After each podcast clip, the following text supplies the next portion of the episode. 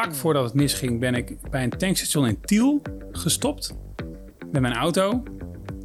En uh, toen heb ik in paniek mijn vrouw gebeld. Dat ik op dat moment helemaal niet meer wist waar ik was of hoe ik daar gekomen was. Zo. Zo. Dat was echt bizar. Een enorme blackout. Ja, ik wist helemaal niet meer waar ik was of waar ik naartoe ging of waar, hoe ik daar gekomen was of waar, waar ik heen moest. Dus toen heeft zij me de auto uitgepraat. Toen heeft zij gezorgd dat ik iemand aanschoot. En toen is 112 gebeld en toen ben ik dus naar het ziekenhuis gebracht. En toen hebben ze dus uh, achteraf gezien de cruciale fout gemaakt om het te diagnosticeren als een gevalletje hyperventilatie. Welkom bij de Goed Beter Best podcast van Move. Mijn naam is Henk Jan en als vrolijke PKN'er zoek ik met de katholieke Paul en evangelische Godwin uit wat het leven nou goed, beter of best maakt. Iedere week gaan we met elkaar in gesprek en behandelen we de onderwerpen die er echt toe doen.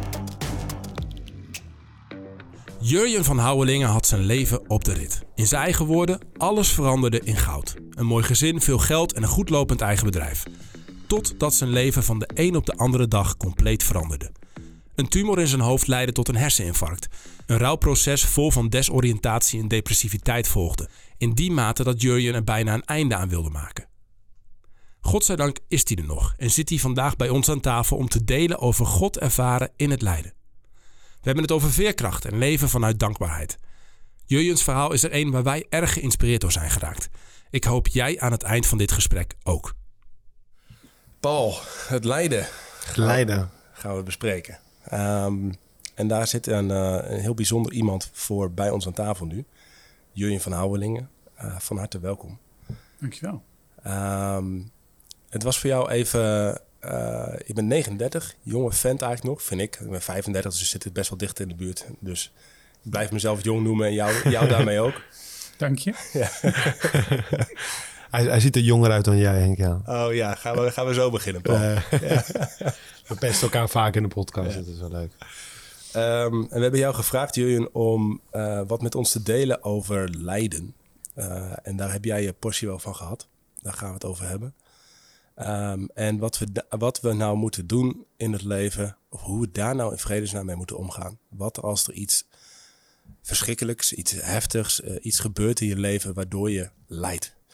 En voor sommige mensen is het misschien een, beetje een ver van hun bedshow. Eerlijk gezegd voor mezelf misschien ook wel een beetje, zeker als ik dat dan vergelijk met jouw verhaal. Uh, maar in meer of mindere mate komen er allemaal mee, uh, krijgen we er allemaal wel mee te maken. Um, ik heb jou een keer daarover horen vertellen op een, uh, op een andere plek en dat raakte me enorm. Um, dus ik vind het te gek dat je hier bent en dat je daar gewoon over wilt delen. Heb, heb je, uh, is het eigenlijk moeilijk voor jou om daarover te delen? Nee, helemaal niet. Ik heb echt geen enkele moeite mee. Ik vind dat heel ja, fijn of zo. Het geeft mijn leven juist betekenis om mijn verhaal te delen. Ja. En uh, ja, zo ben ik daar ook steeds meer mee begonnen. Dus ik sta ook steeds vaker nu weer voor groepen mensen om mijn verhaal te vertellen en, en de lessen die ik daarin geleerd heb, om daar anderen weer mee te bemoedigen. Ja. Nou, gaaf. Je hebt ook een achtergrond uh, eigenlijk als mediamaker, marketeer. Uh, je, je, had een super succesvol bedrijf. GoPublic heette dat destijds. Ja. Um, dan belanden we zo eigenlijk ook in jouw verhaal. Maar voordat we dat doen, misschien goed om nog even te, uh, even te roepen. Het is een bloedhete dag waarop we dit opnemen. dat zorgt al voor concentratieproblemen bij uh, mij en bij Paul. Uh, jij hebt ook nog eens hersenletsel. Daar komen we zo meteen over te praten. Dus dat zal voor jou ook niet makkelijk zijn. We hebben dus ook een ventilatortje neer gezet. Dus mocht je deze podcast naar luisteren en denken, wat loopt daar te brommen? Dat is niet Paul, dat is de ventilator. misschien, misschien ik ook, Misschien hè? ook, ja. Dat ja. zou kunnen. Ja. Katholiek brommetje. um, uh, en uh, ja, we zitten hier dus op een warme zomer. Ik weet niet wanneer dit uitzenden, maar het is hier nu in ieder geval warm. En Godwin uh, is iets later, dus die schuift zo meteen over vijf minuten aan. Dus als we nog een gekke evangelico uh, de podcast inzien stommelen, beste luisteraar, dan weet je dat, dat Godwin er uh, de omstandigheden nu uh, iets later bij is. Um, we waren bij jou gebleven, Julian. Um, ja, jouw verhaal, je hebt het waarschijnlijk op allerlei manieren al verteld. Waar wil je beginnen? Nou, wat ik meestal doe als ik een verhaal vertel voor een groep mensen, dan begin ik bij het begin. Ja, dat is op dat zich... is op zich een goed punt. Ja. Ja. nee, dat is inderdaad wel, wel een goeie. Laat ik bij het begin ja, beginnen. Nee, het, zeg maar, ik, ik heb heel veel gehad aan de Hero's Journey. Ik weet niet of je er wel eens van hebt gehoord. Ja. Ik niet. Nou, daar, daar, daar, niet, niet van gehoord? Nee. Nou, heel kort, zeg maar, want het punt is met de Hero's Journey of de heldenreis, is dat elk leven past daarin op een bepaalde manier. En dat is een, het is ontwikkeld door Joseph Campbell, of ontdekt door hem. En het gaat erom dat de held in een, in een reis altijd in elk verhaal, de Hollywoodfilms zijn er allemaal groot mee geworden, daar zit altijd die hero's journey in. Hè, Frodo die is de held en die gaat in The Lord of the Rings op een quest, op een kweeste en die moet een bepaalde eh, uitdaging aangaan en overwinnen. En die komt dan uiteindelijk aan de andere kant veranderd tevoorschijn. Nu, nu heb je ons, hè? Je zitten twee Lord of the Rings fans, dus uh, Oké. ga door. Nou, en die Hero's Journey, dat is dus zeg maar... Dus Joseph Campbell die ontdekte in een aantal mythen... dat er overeenstemmingen waren in die mythen. Dat hij dacht van, hé, hey, er zijn dingen die elke keer terugkomen. En dat hij dus merkt dat elk verhaal heeft een aantal ingrediënten... die hetzelfde zijn. En dat is dus dat een, heer, een hero, dus een held... die wordt geroepen tot een avontuur... en vervolgens weigert hij die oproep vaak... Zelfs, zelfs verhaal van Jezus past trouwens schitterend in deze eh, Hero's Journey. Maar goed, dat terzijde. Eh dus die, die held die weigert die oproep. En dan gaat hij toch de drempel over. En dan gaat hij allerlei uitdagingen aan. Dan komt hij vijanden en vrienden tegen. En dan uiteindelijk dan komt daar een soort van beslissend moment in het verhaal... waarin hij zich realiseert of waarin hij ontdekt... of waarin hij verandert of waarin hij overwint. Waarin er iets gebeurt wat hem verandert... en waardoor hij blijvend als een soort opstanding, wederopstanding beleeft en terugkomt in de normale wereld, maar dan wel veranderd. Hmm. Dus hij, eh, hij, hij gaat el- elke keer die reis door. En ik ga nu heel snel doorheen, want het zijn, het zijn iets van 18 stappen, geloof ik, in de Hero's Journey die Joseph Campbell onderscheidt. En eh, nou ja, de Hollywoodfilms, die, die hebben dat allemaal. En dat is echt ontzettend inspirerend, vind ik. Mhm. Omdat je dus ook je eigen verhaal in die Hero's Journey kunt zien. Oké, Hè, bijvoorbeeld bij mij was het heel duidelijk de roep tot avontuur. ja, Dat was mijn herseninfarct wat ik kreeg. oké. Althans, zo kan je dat dus zien. Ervoor te kiezen om het te zien als een, als een roep tot avontuur. Zo, maar dat is wel even, want eh, nou, je hebt dus een herseninfarct gekregen. De- hoe dat allemaal is, is gekomen, daar komen we vast nu ook wel over te Ja. spreken. Maar eh, dat je het al zo, zo kan bekijken Ja. als een avontuur, vind ik al dat ik denk, hoe doe je dat? De meeste mensen zouden zeggen, dit is Ja. iets wat me overkomen is en waar ik gewoon de schurft in heb, zeg maar. Nou, die zitten vaak nog in de weigering van de oproep, zou ik maar zeggen. Ah, ja. Dus eh, dat is ergens heel logisch. Want dat heb ik ook gehad. Hè, ik mag duidelijk zijn, het is inmiddels bijna vijf jaar geleden Ja. dat het gebeurd is. Ik heb absoluut mijn weigeringsmomenten gekend, ja. Dat ik dacht van, ik heb hier helemaal geen zin meer in. En ik ga er zelfs een eind aan maken, bij wijze van spreken. Want dit leven, dit heb ik niet voor gekozen. Hey, en en eh, neem ons dan eens mee in die hero's journey van het, van het startpunt. Dus jij staat als een eh, vrolijke, Ja. succesvolle ondernemer, marketeer. Hoe zag je leven eruit Ja. voordat je... Je hebt, een, eh, je hebt een herseninfarct gekregen dus. heeft Ja. allerlei gevolgen gehad. Hoe zag je leven eruit voor die tijd? Ja, dat is dus inderdaad de normale wereld in de heldenreis. Ja. Dus dat is eh, hoe, hoe het leven eruit ziet als het, als het verhaal begint. Ja, precies. En bij mij was dat leven inderdaad was echt een mooi leven, had ik. ik Ja. eh, zeker nu ik terugkijk, ik denk, man, wat heb ik dat... Zeg maar, ik had heus wel mijn struggles, maar dat was echt niks vergeleken met wat ik nu eh, allemaal mee moet dealen. Dus in die zin eh, had ik een heel mooi leven. Ik had een eh, succesvol marketingbureau. Dat heette toen nog CoPublic, inmiddels heet dat Tribes. Omdat ze zijn gefuseerd met een ander bureau. Maar goed, ehm, dat was een succesvol bureau. En daarin had ik best wel grote klanten inmiddels ook. We hadden echt ja, klanten als de Hersenstichting en Greenpeace en eh Ja. Oxfam Novib. Grote jongens hadden we inmiddels al Ja. Die we mochten bedienen. Dus we waren best wel een serieuze speler in de non-profit sector Ja. met name. Je, je had aanzien, je verdiende goed geld. Precies, ja, nee, dat klopt. Dat, eh, dat ging allemaal best wel lekker. En ik was, ik was best wel het mannetje, ja. Ik eh, voelde me zo vaak ook wel. Want dat ik merkte, ja, ik ben gewoon eh, zelfverzekerd. Ik, ik wist waar ik het over had. Ik genoot ook heel erg van voor groepen staan. De dynamiek van een zaal vond ik heel tof. Van de, een boodschap overbrengen en mensen meekrijgen en enthousiasmeren. Ja. Dat vond ik echt te gek. En je, kreeg ze ook nog zo gek dat ze ervoor betaalden. Ja, zeker ja. ja. Ik had op een gegeven moment een event bedacht. Marketing in één dag noemde ik dat. Dat was een beetje geïnspireerd op het MBA in één dag van Ben Tichelaar. Misschien heb je daar wel eens van gehoord. Ja, het- het- Ja. e- Echte originaliteit bestaat niet. Je moet gewoon goede dingen bij elkaar jatten en nee, dan weer wat nieuws van maken. Ja, klopt. Nee, ja, dat is zeker zo. Ja, katholieke kerk doet niets anders, hè Paul? ja, sorry, ga verder. Ja, nee, maar dus, eh, dat was eh, MBA in één dag. eh, Ja. Marketing in één dag, sorry. Eh, dus dat had ik inderdaad bedacht. En eh, dan vroeg ik 400 euro voor een ticket. Ja. En op mijn eerste event had ik 100 kaarten verkocht. Ja. Dus Nou, de- 40.000 euro. ja, dat eh, reken je snel uit. Maar dat is inderdaad ja, 40.000 euro omzet Ja. op één dag. Dus dat is best wel lekker. Dus Het ging En- goed, het ging je goed. Precies. Het, dat is eigenlijk denk ik wat ik met name wil zeggen. Is dat het, het ging mij best wel voor de wind. Ja. En alles wat ik aanraakte, dat veranderde in goud of zo. Zo voelde het wel eens. ja. En thuis, hoe zag je privéleven eruit? Ja, ik had een, eh, een, een fijn gezin. Eh, ik had een, eh, een vrouw drie kinderen, drie meiden. Hele lieve meisjes. En dat, het was voor mij, als ik nu terugkijk, heb ik dat af en toe, heb ik daar absoluut fout in gemaakt. Want ik was ook heel erg bezig met, met mijn carrière en met hoe de wereld mij zag of zo. En dat daar een bepaald plaatje in mijn hoofd zat, hoe dat dan moest. En daar hoorde dus ook een. Ja, daar hoorde in dat mooie plaatje was het ergens een gelukkig gezinnetje. Hmm. Ja, en dat, dat, in dat plaatje, dat, ik merkte dat ik daar wel heel erg mee worstelde soms. Mhm. Omdat ik, ja, ergens had ik ook een soort van eh, verlangen om een, een groots en meeslepend leven te leven, weet je Ah, wel? ja. Ik zag mezelf als een soort digital nomad die bij spreken in New York wilde gaan wonen. En daar een bedrijf wilde starten en dan daar groots uitbouwen. En ik had echt eh, vergezichten van Ja. ja. Ja, een interessant leven wat, wat vol met glitter en glamour zat bij ze spreken.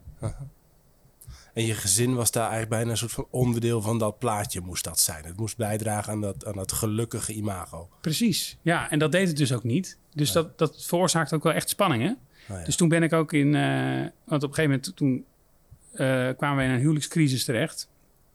Eigenlijk door mij, omdat ik dus soort van, eh, ja, ik had een bepaald beeld bij hoe het moest zijn. En dat, dat was het natuurlijk niet. Want ja, dat is, de realiteit is nou eenmaal heel anders. Dus toen, eh, toen ben ik in therapie gegaan. En toen heb ik wel heel boeiend, eh, om daar nog even kort over te zeggen. Want toen moest ik in die therapie, moest ik kanten van mezelf. Daar moest ik dan eh, een dier voor kiezen die dat representeerde. Echt joh. Ja, dus bijvoorbeeld, zo had ik de kant in mij die vaak moeilijkheden uit de weg ging. Dat was bij mij de wasbeer. Dus dan was het zeg maar, soms dan kwam er een wasbeer in mij naar boven. en dat was dan dus zeg maar, als ik, als ik wegdook voor problemen of als ik me verstopte, Ja. dan was dat de wasbeer die, die aan zet was. En er waren ook andere kanten, en dat was een veel sterkere kant bij mij. Dat was een, een, soort, een soort opschepper, iemand die zich groot maakte. En daar had ik een gorilla. ja, dat was een soort Ja, van, ja. soort van die, die aap die op de rots zeg maar, op zijn borst ging timmeren, weet je wel. En die, die zich groot maakt. Maar dat was een soort van de kant aan mij die, die ergens ook eh, zichzelf overschreeuwde. Ja joh. De- En zo had ik dus ook een kant, en dat is even de, de crux van het verhaal, is dat het, dat was mijn gezonde kant. En daar had ik een leeuw gekozen. Gaaf. Ik vond een leeuw vond ik fantastisch. Ik had een soort Aslan-beeld bij, weet je wel, van eh, de, de Nar- Narnia Chronicles. En ik, ik zag ergens in die leeuw, dat had iets, iets, iets van wijsheid en iets van eh, kracht en tegelijk iets zorgzaams. Dus ik heb die leeuw heb ik ook op mijn arm laten tatoeëren. Ik weet niet of het was opgevallen, maar... Ja, ik zag, ik Ja, zag maar- een ik tattoo, zag hem maar ik had er nog niet... eh, Ja. Er staat ook nog wat bij, of niet? Ja, er staat inderdaad bij, I trust your heart and your intentions. Dat is eh, uit een lied van United Pursuit. Oké. Dat is een, ja, een groep in Amerika, die hebben een leefgemeenschap. En die, eh, die gingen op een gegeven moment gaan worshipen met elkaar. En daar kwam een hele mooie muziek uit voort. Ja. En ik vind dat lied Hidden, heet dat lied waar dit in gezongen wordt. I trust your heart and your intentions. Vond ik zo'n mooie zin. Want ik vertrouw op uw hart en op uw intenties met mijn leven. Het gaat over God ook. Ja, dat gaat over God, ja. ja en dit heb ik dus, deze tattoo heb ik dus, bizar genoeg, een paar maanden voordat ik eruit klapte laten zetten. Zo. En toen zei je nog een beetje... Toen zat je al wel in die therapie, in dat proces Precies. met die leeuw, Ja. et cetera. Dus Ja. je zat al in een Ja, veranderingsproces. zeker. En ergens in daarin zei je van... nee, ondanks alles wat ik misschien ook in mijn eigen kop heb gehaald heb... ondanks dat ik een gorilla ben en een wasbeer af en toe... Ja, en, eh, I trust your heart and your intentions. Niet Ja, wetende dat je een paar maanden later... enorm, zeg maar, door, door je hoeven zou gaan. ja precies. Ja. Ja. Hey, misschien goed wij even, want hij gaat nu al heel hard dat ding, of niet? Eh, d- er is namelijk een andere leeuw aangeschoven aan tafel. dat is onze Godwin. Godwin, Jurjen dus. Eh, kun je, eh, jij kunt Godwin nu niet goed zien, denk ik. Nee, waar moet ik Nee. kijken? Want ik... eh, Geef even een hand, Godwin. Dan, eh, Yes. Oh, daar zie ik je. Ja, hi. Hey Jurien. Hey, Colin. Eh, Godwin, misschien even... ehm, nou, pum, misschien kun je even kort iets over... eh, we gaan zo meteen... eh, dit is lastig voor Jurjen, dit. Want Jurjen heeft le- hersenletsel. En daardoor is het extra lastig voor hem om te schakelen. En nou, even, even dit. We zaten midden in jouw verhaal, Jurjen. Maar op zich eindigen we op een mooi moment, zeg maar. Eigenlijk vlak voordat we misschien door kunnen praten over wat er met je gebeurde. Ja. daarna. Misschien goed om voordat we dat doen even stil te staan bij wie in vredesnaam er nu weer aangeschoven aan tafel is. Ja, Uh, Godwin, wil je even, even iets over jezelf vertellen? ja. ik ben eh, Godwin uh, Jurien, ik ben 29 jaar, Ehm, oh, geboren in Ghana, op mijn zes naar Nederland gekomen. Ehm, niet echt een makkelijke jeugd gehad in Nederland, uiteindelijk eh, het geloof vastgepakt, mijn leven aan de Heer gegeven en eh, vandaag de dag wandel ik in wat ik geloof dat God me voor geroepen heeft. Ik heb een eh, gezinshuis, een vier pleegkinderen thuis. Ehm, en dat is eigenlijk mijn leven, wat ik doe en wie ik ben. Ja, en, en in Pauls woorden, een ongeleid projectiel. Die, waar- de- wie, wie zei dat nou? De, de geest die, die, die rent alweer achter jou aan. En dan, Paul, en dan, ben, dan, dan ben jij alweer eh, aan het spreken in een kerk. Of je bent de boel aan het opzwepen op opwekking. Of, eh, of en dat, dat is wel een leuk nieuwtje nog. Of je, eh, je, je staat straks in een, eh, in een bevalkamer in een Ja. ziekenhuis. Want ik word vader. Ah, Ja, gefeliciteerd. dankjewel, dankjewel. Nee, dus ehm, eh, fijn dat je er bent, Godwin. Uh, Jurjen ehm, was net eigenlijk aan het vertellen, even samengevat. En dan praten we met elkaar door. Ehm Jurjen was net aan het vertellen dat, dat hij eigenlijk een leven leefde voor zijn, eh, zijn ongeluk. Eigenlijk voor wat hem overkwam, zijn hersenletsel. Waarin het in ieder geval van, van buitenaf allemaal voor de wind leek te gaan. Alles leek te veranderen in goud. Een succesvol Wow. marketingbureau, Go Public groei, het idee van eh wereld veroveren, naar New York een bureau oprichten, alles erop en eraan. Een familie, een mooie vrouw, drie lieve meiden. Eh, maar ook een familie die een beetje moest passen in zijn beeld eh, van, van, van een soort van gelukkig, succesvol, meeslepend leven. Dat botste.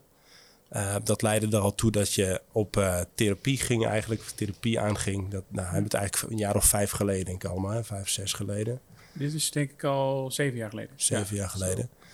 Ehm, en daarbij vertelde je net eigenlijk ook over, over nou, wat je daarin leerde. Hè? De verschillende delen van jezelf. Een leeuw, een wasbeer, een gorilla, me- me- meerdere rollen. En in die periode zet je een tatoeage. Nou, die heb je nog steeds, zo gaat het met tatoeages. Met eh, I trust your heart and your intentions. Zo is het toch? Ja. Ja. En ik, ik wil daar nog een nieuwsgierigheidsvraag over stellen. Want je had het ook over, ja, leeuw Narnia. Had het ook, de leeuw ook de symboliek van Jezus? ja, absoluut. Oké. Ja, dat is wel mooi. Want hoe zat het eigenlijk voor jouw ongeluk? Hè? Eh, hoe zat het met je geloof? Wie was God voor jou? Ja, God was iemand die, eh, die vooral voor mij werkte. Mm. En die, die wilde dat, ik, dat het me voor de wind ging. En die... eh, ja, ik, ik was echt, was echt wel christelijk hoor. In die zin dat ik echt geloofde in Jezus en eh, het kruis en al die dingen meer. En eh, dat, ik, dat ik het idee had dat, dat God een soort van eh, ja, plannen had met mijn leven. En dat ik daarin ging wandelen. Weet je wel, dat ik een roeping zag of Ja. dat ik dat ging ontdekken. Mhm. Ja, dat waren zo'n beetje een paar kreten die ik, die ik wel eh, bezigde, denk ik. Maar ook God, was God net als je gezin ook iemand die wel een beetje moest, moest meewerken in jouw plaatje van het leven? Of aanpassen. Of... Ja, dat weet ik niet. Ik zou dat nooit, nooit zo gezegd hebben natuurlijk. Want ja, God is natuurlijk God, weet je. Eh, Aha. Het het kan natuurlijk niet zo zijn dat hij in mijn plaatje moet passen. Aha. Maar misschien zat er wel iets in van... ehm, ik moet... eh, of God, die, die zorgt voor mij in Mm, alles. En hij ja. houdt van mij. Aha. En ja, hij werkt voor mij. Niet tegen mij. Wauw. Nee. En dan gebeurt er wat in je leven waarin alles wel opeens tegen je lijkt te keren. Ja. Wat gebeurde er? Ja, nou, ik kreeg dus eh, hoofdpijn. Steeds meer, steeds heftiger. En ik kwam regelmatig thuis met hoofdpijn. En dan was echt heftig. En dan moest ik op bed gaan liggen in een donkere kamer, weet je wel. Dus dat werd echt steeds heftiger en heftiger. En op een gegeven moment, dan hing ik af en toe kotsend boven de wc van de hoofdpijn, zeg maar. Zo. Dus dat was echt wel serieuze hoofdpijn. Ik ben ook weer naar de huisarts geweest. Nou ja, die verwees me niet door. Die zei alleen, ja, doe het rustiger aan. Of hij wilde me nog naar een haptonoom sturen. Of een of andere vage genezingswijze of zo. En daar, eh, daar is nog niet eens meer toe gekomen. Want toen ben ik dus een paar dagen vlak voordat het misging... ben ik bij een tankstation in Tiel gestopt. Met mijn auto. En eh, toen heb ik in paniek mijn vrouw gebeld. Omdat ik op dat moment helemaal niet meer wist waar ik was... of hoe ik daar gekomen was. Zo. Zo, Dat was echt bizar. Een enorme blackout. Ja, ik wist helemaal niet meer waar ik was of waar ik naartoe ging of waar- hoe ik daar gekomen was of waar, ik- waar ik heen moest. Dus toen heeft zij me de auto uitgepraat. Toen heeft zij gezorgd dat ik iemand aanschoot. En toen is 112 gebeld en toen ben ik dus naar het ziekenhuis gebracht. En toen hebben ze dus eh, achteraf gezien de cruciale fout gemaakt om het te diagnosticeren als een gevalletje hyperventilatie. Oh, wauw. Zo. Dat kon iedereen gebeuren, was, was het verhaal, zeg maar. Dus ja, ik eh, kom weer naar huis en eh doe het wat rustiger aan de komende dagen en eh, het komt wel weer goed. En want wat was er eigenlijk aan de hand? Wat er eigenlijk aan de hand was, was dus dat er een, een tumor in mijn hoofd aan het groeien was, die soms drukverhoging veroorzaakte op mijn hersenen. Huh. Eh, doordat hersenvocht niet meer kon doorstromen en dat ging ophopen. En ja, dan krijg je feitelijk een soort waterhoofd. En dat veroorzaakte zo'n druk, dat gaf enorme hoofdpijn, wat je je kunt voorstellen. Ja. Want het kon nergens heen. En soms dan kon het dus toch weer doorstromen. En dan was het dus weer even weg. En dan ging het in een paar dagen goed. Maar ik had ook heel veel last van hoofdpijn als ik wel ging hardlopen. De dag daarna of zo had ik vaak echt knalende koppijn. Mhm. Dus dat had allemaal met elkaar te maken, blijkt nu. Maar goed, eh, dus zij... Ja, dat heb ik dus, dus die fout gemaakt om dat als hyperventilatie te duiden. En ehm, toen kwam ik na een paar dagen kwam ik weer thuis met hoofdpijn. Dan ging ik weer op bed liggen. En toen het volgende moment, toen hoorde opeens mijn vrouw mij heel vreemd en heel luid snurken in de kamer, in mijn slaapkamer. Dus ik was soort van in een coma aan het raken op dat moment. Zo. En toen mijn vrouw mij vond, mijn vrouw is zelf huisarts, dus zij had meteen in de gaten van eh, hij is aan het inklemmen. Oftewel, mijn hersenen zitten ergens in de verdrukking. Ja. Zij zag dat gewoon. Dus toen heeft ze 112 als een razende gebeld en door de telefoon geschreeuwd van hij is aan het inklemmen. Kom snel. Dus toen is er een ambulance gekomen en toen ben ik eh, in razende tempo naar het eh, ziekenhuis gereden. En toen, eh, toen hebben ze dus wel die CT-scan gemaakt en toen zagen ze dus die tumor zitten. Zo. Maar de eerste keer hebben ze dus geen scan gemaakt. Nee, dat is een beetje de, de, ja, de pijnlijke en nogal bepalende fout die is gemaakt achteraf. Maar goed, daar kun je heel erg boos over zijn, maar daar schiet je natuurlijk niks mee op. Ja. Maar als ze een CT-scan hadden gemaakt inderdaad, dan hadden ze dat gezien al. Hey, en want j- jij lag in het ziekenhuis op dat moment. Was je, was je daar nog bij? Of was, want je ging in een coma ongeveer, zei je net. Ja, hoe maar ik kwam, dat? ik kwam ook wel weer bij tussendoor. Dus dat was ook wel weer gek. Ergens ben ik ook zelfs nog naar de ambulance zelf gelopen. Uh-huh. Dus eh daar zaten ook weer momenten dat ik toch weer bij kwam of zo. Ja. Maar goed, toen ik eenmaal echt bij kwam in het ziekenhuis... en hier kan ik me overigens niks meer van herinneren hoor, dit is me allemaal verteld. Maar toen, toen zag ik dus ook helemaal niets meer. Zo. Je was Dus- blind. Ik was blind, ja. Dus ik keek overal dwars doorheen. En ik wist ook helemaal niets meer. Ik wist niet meer dat ik getrouwd was. Ik wist niet meer dat ik kinderen had. Zo. Dat was allemaal weg. Zo. joh. Dus je, je van succesvolle vent, zeg maar, heb je een aantal weken, periode lang hoofdpijn.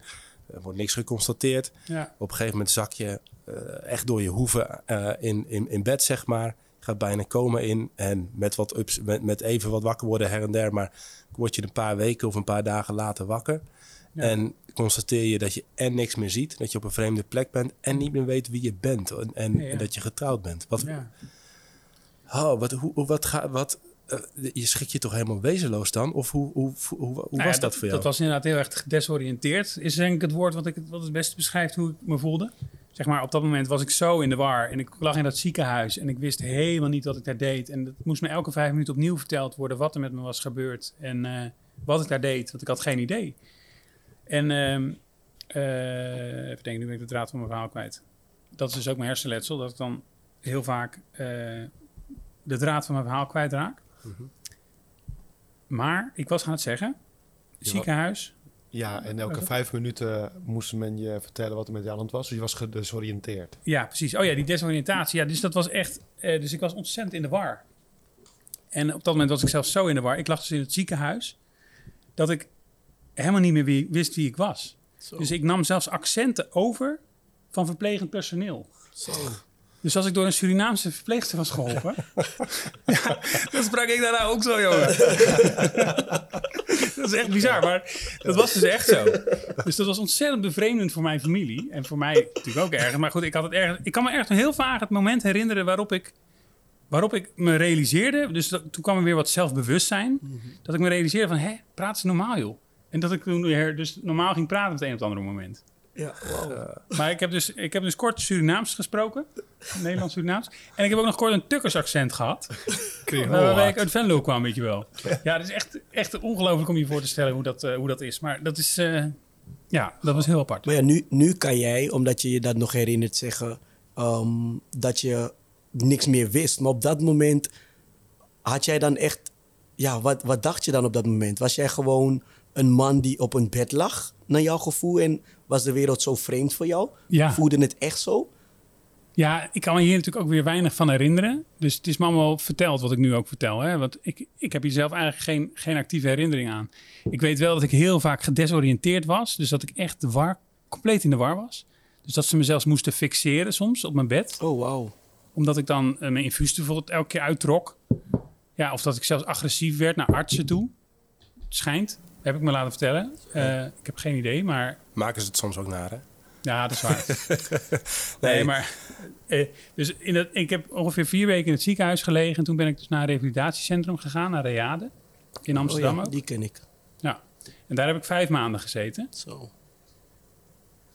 Hey, en Eh, en ja. weet je nog een beetje, want je zegt ik ben heel veel vergeten uit die tijd, hè, maar het is natuurlijk onvoorstelbaar voor ons om, eh, en, en, om je te bedenken dat je niet meer weet wie je bent. Is Ja. er een, kun je nog bij, of is je dat misschien bespaard gebleven bij eh, misschien de paniek of de onzekerheid, of wat was hetgene wat overheerste als je zo'n klap krijgt, zeg maar? Op, op dat moment, in die tijd, zeg maar, dat je nog in het ziekenhuis was. Ja. Ja, ik, ik weet daar niet zoveel meer van. Nee. Ik weet alleen dat ik dus wel heel vaak zwaar gedesoriënteerd was. Ja, dat precies. is echt een soort kernwoord. Dus dat ze me elke keer weer opnieuw moesten vertellen wie ik was en wat er was gebeurd en wat ik daar deed. Ja. dat ik dat elke keer weer opnieuw moest horen ook. Hey, en dan ga je dus revalideren. Je familie is echt natuurlijk helemaal de pleuris geschoten. Ja, want je ja, vrienden en collega's. daarover inderdaad ook van... Ik, ik weet ook niet, ik stel vragen en ik weet niet of ze, of ze wel... Maar hoe was het voor, voor je dochtertjes om opeens papa zo uh, gedus? Ja. ja, dat is bizar natuurlijk. Die hebben een enorme klap gehad. Ja, ja papa is opeens buiten beeld. Ja. Ja. En op een gegeven moment kwamen ze natuurlijk op bezoek in het ziekenhuis, weet je wel. Nou ja, toen langzaam kwam er bij mij wat, wat, wat bewustzijn... wat er met me gebeurd was en wie ik was. Ah. Dat dat weer terugkwam. Dat, dat gebeurde al in het ziekenhuis zelf. Ja, zeker, ja. Maar toen, toen viel ik dus ook in een zware depressie, weet je. Want ik dacht van, ja, mijn leven is over. Er is Ja. gewoon niks meer om wat ik heb. Eh, ik ben alles kwijt. Goh. En ik kan niks meer met mijn leven, ja. Ja, want je, op, je begon je weer te realiseren van... hé, hey, ik was die succesvolle gast met dat bedrijf en een gezin en al dat. Ja, En dat, dat bleef je ook een beetje onthouden. Dat, hey, dat korte termijn geheugen, dat herstelde wat. Ja, er kwam wel langzaam wat dingen terug. Ja, en er waren ook va- vaak gekke feitjes die ik dan wist, weet je wel. Ja. Dat ik bijvoorbeeld, eh, dat ik dan wel wist wie mijn collega's waren, maar dat ik dan niet wist hoe ze eruit zagen. Ah, ja. Oh ja. ja. Ja, dat ik er geen beeld meer bij heb, nog steeds is dat zo. Dat ik visueel, mijn visuele bibliotheek is gewoon helemaal stuk. Zo. Ja? Dus ik, kan mij, ik kan ook geen gezichten herkennen bijvoorbeeld. Terwijl ik zie nu jouw neus, ik zie jouw mond, ik zie jouw ogen.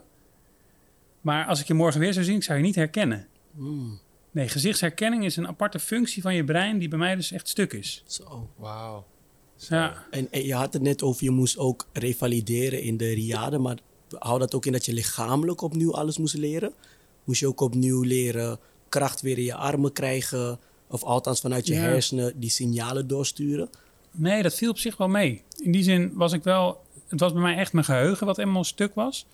En mijn zicht, dus ik zag echt niks meer. En dat revalideren was met name opgericht van... Hoe, hoe ga je je leven nu vormgeven? Zo. Dus ik ben ook nog twee maanden eh, wezen revalideren in Jeruzalem. In het Feuerstein Instituut. Dat was dan een gespecialiseerde revalidatie... die weer meer ervaring hadden met cognitieve revalidatie. Ja. en Weet ik dat allemaal. Dus daar ben ik nog twee maanden heen geweest. Maar ja, het heeft allemaal niet zo heel veel uitgehaald, moet ik zeggen. Maar eh, het heeft wel wat geholpen. Hey, en dan, dan, je zegt net al van, joh, ik beland in een depressie. Want Ja. op een gegeven moment dan is het verlies ook wordt duidelijk. Wat je verloren hebt allemaal. Eh, en daar komen we ook, eh, ook dicht bij, bij het lijden. Misschien nog wel meer, meer lijden dan die periode dat je, dat je in het ziekenhuis ligt. En, Ja. eh, maar dat je, omdat je gaat, ja, de, de pijn zo intens gaat beleven, denk ik. ja. Ehm, omschrijf dat eens even. Dus de, de, de, misschien de maanden, de jaren daarna waarin je, moet, waarin je gaat beseffen dat je zoveel verloren hebt. Wat deed dat met je? Ja, dat heeft een enorm eh, rouwproces natuurlijk op gang gebracht. Maar je moet echt, echt al die fases van rouw door. Hè? Van je hebt eerst de ontkenning en je hebt dan de woede en je hebt de boosheid. En dan heb je ergens de frustratie en het verdriet. En dan aan het eind ergens komt dan die acceptatie. Ja. En dat is echt ook een rouwproces wat heel grillig is hoor. Want soms dan zit je opeens weer terug in de boosheid. Of dan zit je opeens weer in het verdriet. En soms dan heb je weer een moment van ja, ik heb toch wat acceptatie al. Ja. Dus want ja, ik heb mijn leven op- compleet opnieuw moeten uitvinden, zeg maar. Hè? Dus eh, ik heb een hele nieuwe invulling moeten geven aan mijn leven. Ja? Ja, wat was ik aan het zeggen? Nee, dat je een hele nieuwe invulling hebt gegeven aan je leven. En dat je die fases had, eh, die fases horen bij het rouwen. Ja, precies. Ja, er was een enorm eh rouwproces. Dus ik viel echt in een enorm... Ik ben ook zwaar depressief geweest, ja. Ik heb ook echt gedacht van, ik ga er een eind aan maken. Ja. En ik had het zelfs helemaal uitgedacht op een gegeven moment, hoe ik dat ging doen, weet je wel. En eh, dat ik mijn whisky voorraad ging plunderen en me helemaal katje lam zou zuipen. En dan eh, in bad zou zitten met, mijn, met het koksmes, wat ik zelfs had laten slijpen al. Zo. voor die gelegenheid. En ik had, ik had, eh, ik had zelfs al video's ingesproken op mijn telefoon. Voor mijn vrouw, van als je dit vindt, als je deze video ziet, dan betekent dat dat je me hebt gevonden. En het spijt me zo verschrikkelijk, maar het ging gewoon niet meer. En dus dat ik dat al had ingesproken, zelfs zo serieus was ik met die plannen van, ik wilde niet meer leven.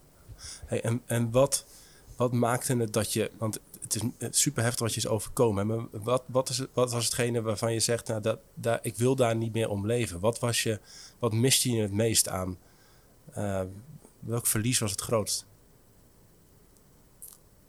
Ja, dat is een hele goede vraag. Ik denk eigenlijk uiteindelijk, mijn allergrootste beperking is nu denk ik toch wel dat ik in één keer nagenoeg maatschappelijk gezien blind ben.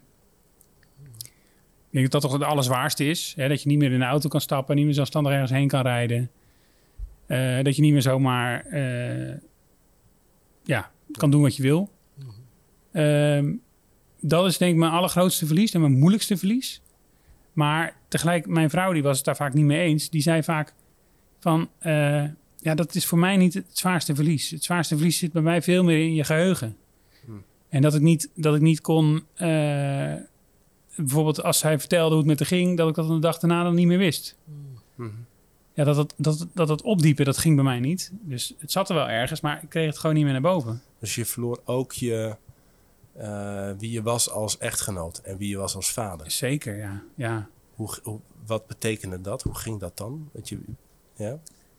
Ja, wat betekende dat? Nou ja, goed, kijk, het betekent dus in ieder geval dat mijn relatie, die, die, die kwam zwaar onder druk te staan. Dus je kunt voorstellen, want St- Stefanie, mijn vrouw, moest in één keer alles regelen.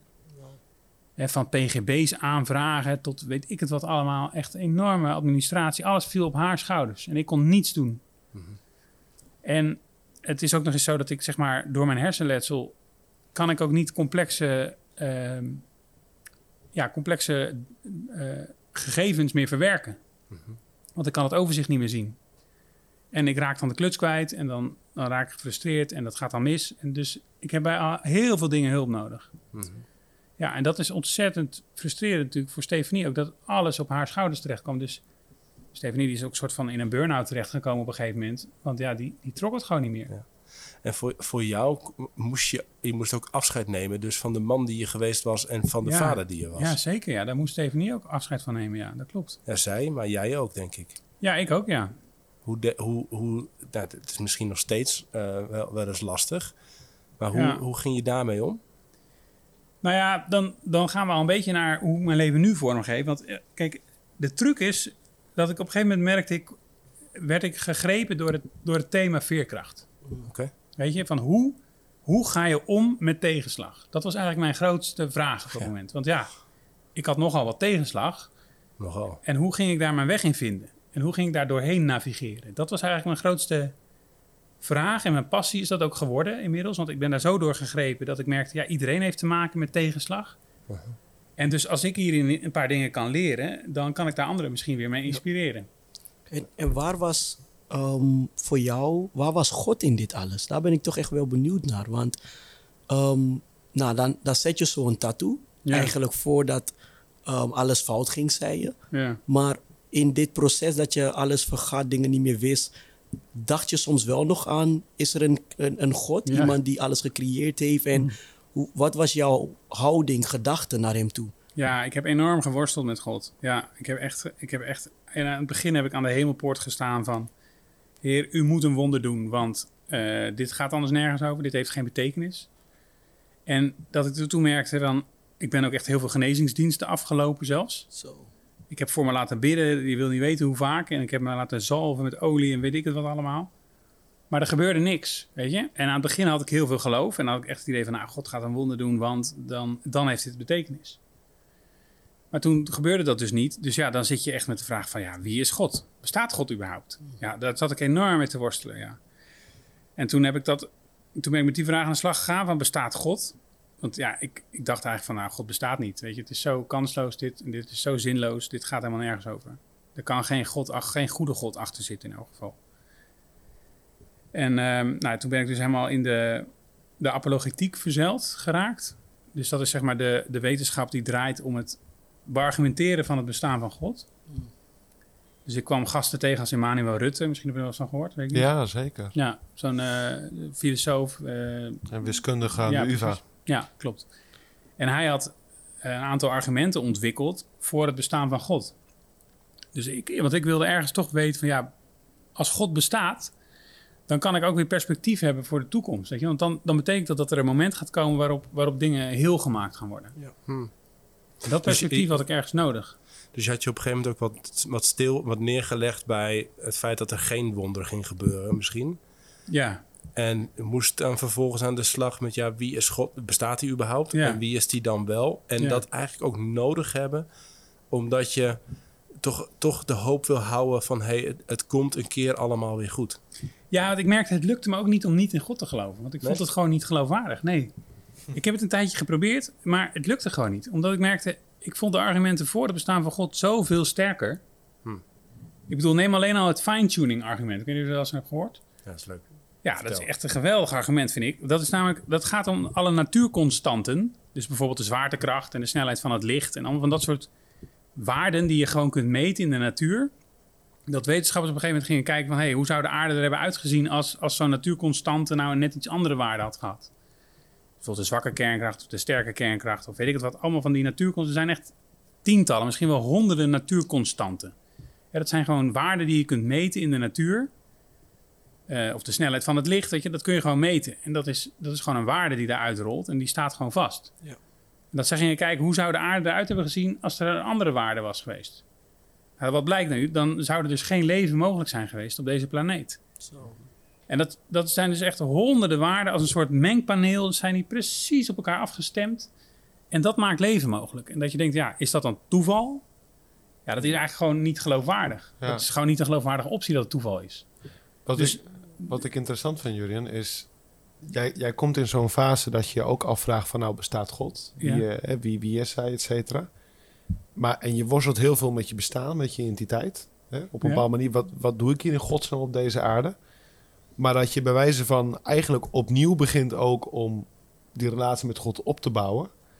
Uh, en dat je ook eerst begint bij, om het zo te zeggen, het rationele, het argumenten. Ja. Dat je je gaat verdiepen in het geloof. Ja, Dat vind ik heel fascinerend, want ja. ik kan me voorstellen dat het grootste probleem misschien niet zozeer in je verstand zit, maar in je hart. Snap je? Want ik, ik weet niet, of, I don't know if it makes sense wat ik zeg. Hm. Ja, ik snap wel wat je bedoelt. want Ik heb het vaker gehoord. Dat mensen zich verrasten over het feit dat ik... Dat je dan de boeken induikt en Ja. Manuel Rutte en eh, Johnny Ja. Lennox of Thomas Aquino of zo gaat. Ja, denk ik, nou, ik weet niet of ik in zo'n fase juist daar behoefte aan zou hebben. Nee, omdat ja. ik, maar ik vind het intrigerend. ja, dat is denk ik gewoon hoe mijn karakter gewaard is. Ik weet dat Andries Knevel, die had het daar ook over in een gesprek met hem. Dat ik had bij Andries. Hm? Ik was de gast in die eh, talkshow. En dat hij ook zei van... Hé, hoe kan het nou dat je rationele argumenten, dat die je helpen? Ja, Ja, maar die hielpen mij juist. Omdat ik ergens gewoon hou vast. houvast zocht. Ja, Ja, precies. mooi. Mooi. Ja, Ja, gaaf. Hey, ehm, laten we het zo eens even hebben over wat je eh, daarna, daarna ook leerde over God, zeg maar. En überhaupt ook leerde over het leven en over veerkracht. Het, maar het is wel even, het is, het is voor ons even. Ik ben benieuwd hoe, eh, hoe luisteren jullie hier in vreesnaam naar, mannen? Want dit is wel, dit is wel een verhaal. Dat eh, als je het hebt over lijden. eh, ja, jij, Godwin, hoe. eh, Ja, ik moet zeggen dat ik dat Jurien me heel echt enorm veel inspireert. Omdat we natuurlijk altijd God ehm, hoog plaatsen op het moment dat het goed gaat, weet je.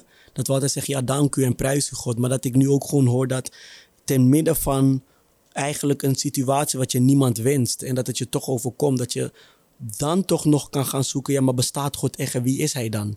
En als hij bestaat en hij is een goede God en dit is mij overkomen, kan ik nog vrede hebben met, met hem als God? Ga ik geen ruzie met hem krijgen? Ga ik geen ehm, eh, oorlog met God willen voeren?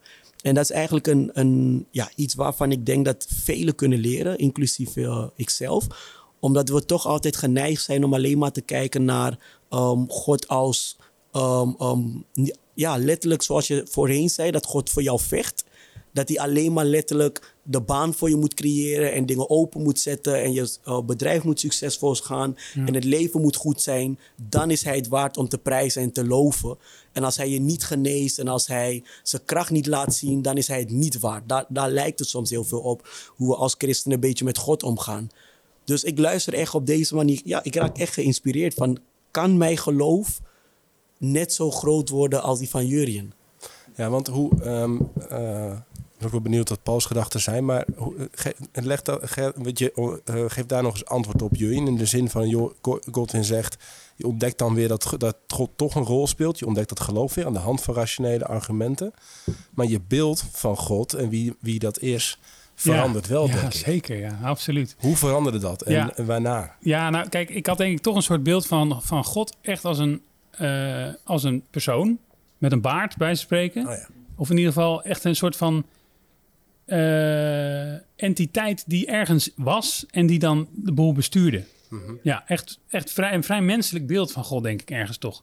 Terwijl nu is God is, is, is vele malen groter geworden. Het is nu het is veel meer een soort bewustzijn. En het is, en het is, het is, het is liefde. Het is pure liefde. En daar ben ik van overtuigd. En dat is ook nog steeds waarom ik in God geloof. Omdat de, de liefde bestaat, weet je. Hmm. Dat er mensen zijn die, die hun leven geven voor een ander. En dat, dat natuurlijk in het verhaal van Jezus vind ik dat echt mega inspirerend. Mhm.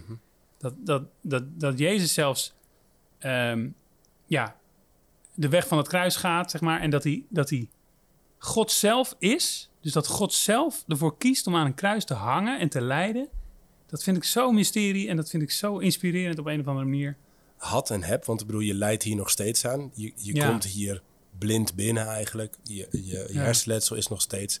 Het is nog steeds lastig om je in je dagelijks leven en Ja. in je familie en, eh, eh, een, een plek te vinden. Ehm, maar ik zie je ook met veel...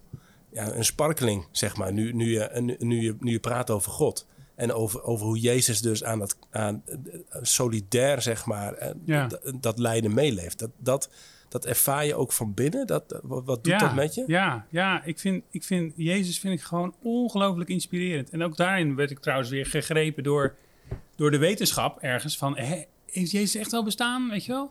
Dat ik allemaal ging, ging kijken in allerlei wetenschappelijke documenten over het bestaan van Jezus. Want kon Jezus uit de dood zijn opgestaan? Weet je, dat werd op een gegeven moment ook voor mij zo'n grote vraag. Want als Jezus uit de dood kon zijn opgestaan, dan is er hoop voor iedereen. En dan is er hoop voor alles, weet je? Ja. Want dan is er, als de dood overwonnen kan worden, dan kan alles overwonnen worden. Dus En, en, wat betekent dat dan precies? Want, je, je- want dat betekent blijkbaar niet dat jouw ziekte dus weg is. Of dat het lijden stopt. Ja, precies. nee, nog niet. nee, maar Ja. ooit wel. Ja, Dus dit is voor jou, we hebben toevallig laatst ook een aflevering over hemel en hel opgenomen. Over de hemel ook met name. nee, die heb ik ook geluisterd. Eh, ja, die, we hebben het eerder ook over gehad. En ehm, eh, voor jou is het ook echt een troost. Niet heel veel mensen lijken daar altijd evenveel mee bezig te zijn hier nu. Hè? We leven allemaal een beetje ons leven en de hemel en de hel is best wel op afstand komen te staan. Maar voor jou is het echt een troost ook. Dat er hierna een wereld aanbreekt, een wereld is waar het goed is. Nou ja, ik weet niet. Ik, kijk, ik, ik sluit zelf reïncarnatie ook nog steeds niet uit. Oké. Zeg maar, het zou me ergens ook niet verbazen dat we ons doorontwikkelen. Ja. En dat we dat in meerdere levens doen. Ja. Maar daar heb ik gewoon geen idee van. Ja, dat weet natuurlijk niemand hoe, hoe dat gaat als we doodgaan. Maar ik geloof wel dat er iets in ons is wat eeuwig is. Oh ja. Ja, dat we iets, iets eeuwigs in ons dragen, omdat, omdat dat bewustzijn, dat is zo fascinerend. Zeg maar, als je alleen al denkt van, wie, wie is het die over mijzelf kan nadenken? Dat ik dus naar mezelf kan kijken en naar mijn eigen gedachten kan kijken. Wie is dat? Ja. Ja, dat is dus kennelijk toch iets, iets, iets van een hogere ik. Iets wat meer is dan mijn lichaam. Of dan eh, hè, we- de Paul Swaap, of eh weet je Swaap? Dick Swaap. Dick Swaap, Dick sorry. Swaap. Die gast die zegt van, eh, we zijn ons brein. Dat ik denk, ja nee, dat is niet waar. Want we kunnen zelfs reflecteren op ons brein. Ja. En, en we kunnen, eh, dus we zijn sowieso niet ons brein. Ja. Nee, de, helemaal gelijk. Die is al lang achterhaald, die Dick Swaap. Ik ben nu een grappige, ook met Emmanuel Rutte, een grappige podcastserie, misschien ken je het wel, over, van NRC, over het bewustzijn aan het luisteren. Oh, nee, Dus als je nog zin hebt om, eh, om je even stevig in deze filosofie en wetenschap te verdiepen, ehm, luister daar eens naar. Eh, ook voor jou, ik zal hem wel even doorsturen. Eh, en Ema- Emmanuel Rutte, jouw held, die zit, zit daar ook in. Die zegt onder meer inderdaad van de kans is waarschijnlijk het grootst dat bewustzijn iets is, ook van buiten, zeg maar. Hè? Dus iets, iets of iemand wat ons doordezemt en, en Ja. nou ja, vormgegeven wordt. En, en wellicht is dat dus ook God, of is dat de Ja. liefde, et cetera. Het is een beetje dat hoe je het ervaart. Hmm. Ja. Maar we hadden het over die vraag van wie is God nu voor jou? Ja. En dat ik dus merk dat God is in ieder geval bewustzijn. Ja. Dat vind ik een hele belangrijke. En dat, dat, dat God dus pure liefde is. Dat, dat, dat moet haast wel voor mij. Ja, dat is ergens... Dat vind ik zo ongelooflijk inspirerend ook nog steeds. Bijvoorbeeld dat, dat, ehm, eh, dat, dat, dat boek, of, eh, eh, dat Bijbelboek Korinthe. Waarin dat hele bekende hoofdstuk, Korinthe 13, waar staat dat de liefde is geduldig. En de liefde verdraagt alles, weet je wel. Dat ik merk, ja, dat is, dat is God gewoon. En God is liefde. En dus, dus kan je dat ook zo lezen, weet je. God, God is geduldig. God verdraagt alles. God blijft hopen en geloven. En dat vind ik zo ongelooflijk mooi, dat ik, ja, dat ik me daar echt aan vasthoud. Ja, gaaf. Ehm, misschien goed om eens even stil te staan bij hoe ga je nou, wat heb je nou voor lessen en wat- op welke manier ga je nou om met, met het lijden zelf, zeg maar. Hè? Want wat jij hebt meegemaakt is, ja, het, het is onvoorstelbaar denk ik voor veel mensen. En je, en je, en je vertelt er op een hele eh, open, eerlijke manier over. Dus we kunnen er ons iets bij voorstellen, maar tegelijkertijd natuurlijk ook helemaal niks van wat het is om dat mee te moeten maken. En tegelijkertijd, minder, in meer of mindere mate, komen ook allemaal lijden tegen. Eh, als het eh, in, mijn omgeving eh, ook gelukkig niet, niet super dichtbij. Nou, ergens ook wel. En het geldt voor ons allemaal. Wat zijn de. ehm, eh, hoe sta jij nu in het leven? En wat heeft het lijden daarmee te maken? Wat dat anders is dan voorheen? Wat zijn de lessen? Wat, zijn de, wa- wat, heb je, wat heb je geleerd als het gaat om veerkracht en lijden? Ja. Ja, ik heb wel een aantal dingen geleerd inderdaad. En ik heb dat dus... ehm, ik ben ook een boek aan het schrijven. Gaaf? Ja, iemand met hersenletsel die een boek aan het schrijven. Een grote uitdaging, maar goed. ik heb wel de ambitie om dat eh, op een dag nog een keer uit te brengen. Ik ben al gevraagd door de uitgever om dat boek te gaan schrijven. Dus dat, eh, daar heb ik ja tegen gezegd. Ja. En dat boek dat gaat over veerkracht inderdaad. Hoe ga je om met tegenslag? En hoe eh, navigeer je door moeilijke tijden heen? Oké.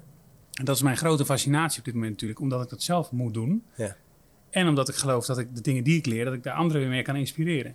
Oké. Ja. Nou, vertel, waar, waar beginnen we? Welke, welke, wat Ja, is nou, hetgene wat we in ieder geval moeten weten? wat je in ieder geval moet weten, is dat iedereen moeilijke shit over zich heen krijgt. Ah ja, in zijn leven. En dat je dus, je kunt je daar maar beter op instellen, dat jij niet uitgezonderd wordt van moeilijke dingen. En je moet het dus accepteren. Dat is eigenlijk de, het, is, het is het meebewegen. Het is gewoon het, het, ja, het accepteren dat moeilijke dingen gebeuren, dat helpt al zo ontzettend. Mhm. Omdat je dan, dan kun je er beter over praten, dan kun je er gewoon eerlijk over rouwen. Dan kun je er, eh, misschien minder lang aan het vechten ertegen. precies, je gaat er niet tegen vechten, je gaat je er niet tegen verzetten. Dus dat, dat accepteren, dat is de allerbelangrijkste les. Is dat, dat is ook wel een probleem in onze samenleving. Hè? Dat daar weinig, vroeger was het toch ook een beetje, ja, ieder huis heeft zijn kruisje en Ja. het zuivert ergens of het loutert. Er lijkt weinig ruimte meer te zijn. Waarschijnlijk ook niet in jouw denken, in jouw leven voor, voordien, hè, voor je ongeluk. Lijkt weinig ruimte te zijn meer voor het lijden. Als gewoon iets dat is en mag zijn ook. Of nou, in ieder geval erbij hoort. Ik denk Ja. ook aan de, de Vlaamse psychiater, hè? Dirk de Wachter. Ja. Ja, Dit is een van zijn belangrijkste boodschappen. Hè? Van, er is geen ruimte meer in het leven om ongelukkig te zijn. Nee, dus ja. al- heel jouw leven moet een en al geluk, intensiteit en Ja. blijdschap zijn. ja. En dat we die gebrokenheid eh, en de limieten van het menselijk bestaan ook niet meer accepteren. Ervaar je dat ook zo? Dat eh, in jouw leven en in de, in de wereld waarin je leeft, in, in de samenleving, dat er misschien te weinig ruimte voor is? Of Nou, dat valt in mijn netwerk nog wel mee. Want ja, ik merkte dat ik heb gelukkig een paar hele goede vrienden die mij Ja. enorm tot steun zijn. En ehm, ik heb best wel een rijk supportnetwerk. Marco is hier. Marco heeft jou eh, gebracht. Die zit mee te luisteren nu. Zeker. Ja, geweldig dat soort mensen. Ja, dus dat is echt ontzettend fijn dat je dat soort eh lui om je heen hebt. Ehm, wat was je vraag ook weer? Nou, dus, dus eh, wat je, Of, je of, de ruimte, of, je- of je merkt dat er, dat er ruimte is zeg maar, voor het lijden. Of dat het wordt weggestopt eigenlijk in onze samenleving. Ja, ik denk in onze samenleving wordt het weggestopt. Ja. In de media kom je dit niet tegen. Mhm. Nee, dus het is ergens wel, er wordt een bepaald beeld geschapen, met name door de media zou ik willen zeggen, waarin het leven altijd perfect is. Ja. En waarin alles goed is en alles klopt en iedereen is gelukkig. En ja, dat is natuurlijk gewoon niet zo. En dat, dat, ik denk dat iedereen het ergens onbewust ook wel weet. Maar toch geven we er niet aan toe of zo. Of blijven we dat beeld achterna jagen. Nou, en misschien ook, Jurien, de, de, het, vooral ook het idee van de maakbaarheid. Van op zich, ik denk wel in de media ook, het idee van de tegenslagen is zelfs een beetje hip. Hè? Dan heb je zo'n ondernemer die gaat praten en die vertelt dat tegenslagen, ja, dat hoort erbij en dat heeft me Ja. gemaakt wat ik heb gemaakt. Maar er zit altijd inderdaad dat plaatje van, maar uiteindelijk kom ik er. Ja, en uiteindelijk heb ik het voor elkaar gekregen. Ja. Althans, dat is mijn perceptie. Ik weet niet of jij, of jij dat ook Ja. eh, zo ervaart, maar... Nou, zeker. Want ik, heb ook, ik voel ook zelf die verleiding vaak. Om dan op een gegeven moment een soort van... Nou, nu heb ik ermee gedeeld. Weet je wel? Nu kan ik eh, vanuit mijn eh, rijke ervaring... eh, mijn lessen gaan uitstrooien over de mensheid... en iedereen daarmee zegenen. En eh, dat, dat, die verleiding die voel ik zelf ook. Om op een gegeven moment toch verder te willen. En ik denk ook dat het ergens een menselijke neiging is... om op een gegeven moment verder te willen. Dat het heel goed is. Maar je kunt inderdaad niet eh, eroverheen stappen of zo. Je moet er doorheen. Ja, en het is dus een soort van en-en, hè? De, is dat het? Dat, je, dat er, terwijl je ondertussen lessen aan het delen bent en geleerd hebt... en misschien ook best een positie weer in kan nemen en zeggen... joh, ik heb wat, ook iets van kracht, zeg maar, kan laten zien... en, je sterk voelen, waar we behoefte aan hebben soms... Ja. dat je tegelijkertijd ook gewoon nog steeds door je hoeven mag zakken. Soms van, van uur tot uur of van dag tot dag. Of nog steeds mag, ja, de, gewoon dat, hè. Ehm, ja. het is ook wel eens, ik hoorde wel eens ouders zeggen die dan een kind hebben verloren of zo. Eh, van ja, dat idee van eh, iets een plekje geven. Ja, flikker op, weet je. Iets een plekje geven, dat, dat bestaat dan niet echt, zeg maar. Als je dat echt... Natuurlijk moet je op een gegeven moment weer door... en heb je ook momenten van kracht en kun je dingen ergens in inspireren. Maar het echt een plekje geven, nee, het is altijd gewoon onderdeel van je leven. En het zal altijd een stuk lijden zijn in je leven of zo. En, en sommige momenten ja, is dat gewoon hetgene wat je grijpt en overheerst of zo? Is, is, is dat het ook een beetje? Of zeg maar dat het er beide moet zijn? Ja, dat weet ik eigenlijk niet zo goed. Ehm, nou, ik merk in ieder geval wel dat mensen gaan gewoon vaak ontkennen dat, ja. het, dat het lijden er is. Ja, precies. Ja, Ja. mensen stoppen het graag weg. Ja. En mensen hebben ook het idee dat, dat, dat het de vuile was buiten hangen is of zo. Of, eh, en ik merk dat ik daar zelf niet zo heel gevoelig meer voor ben. Dat ik het niet zo moeilijk vind om mijn verhaal te delen. Nou, Maar- we- Ja, en in ieder geval als eerste, eerste wat je dus moet weten over dat lijden, zeg maar, als je ermee om moet gaan, is eh, accepteer het. Het Ja. is er, ja, het blijft er, het zal, al- het zal een onderdeel van je leven zijn. En het Ja, overkomt iedereen.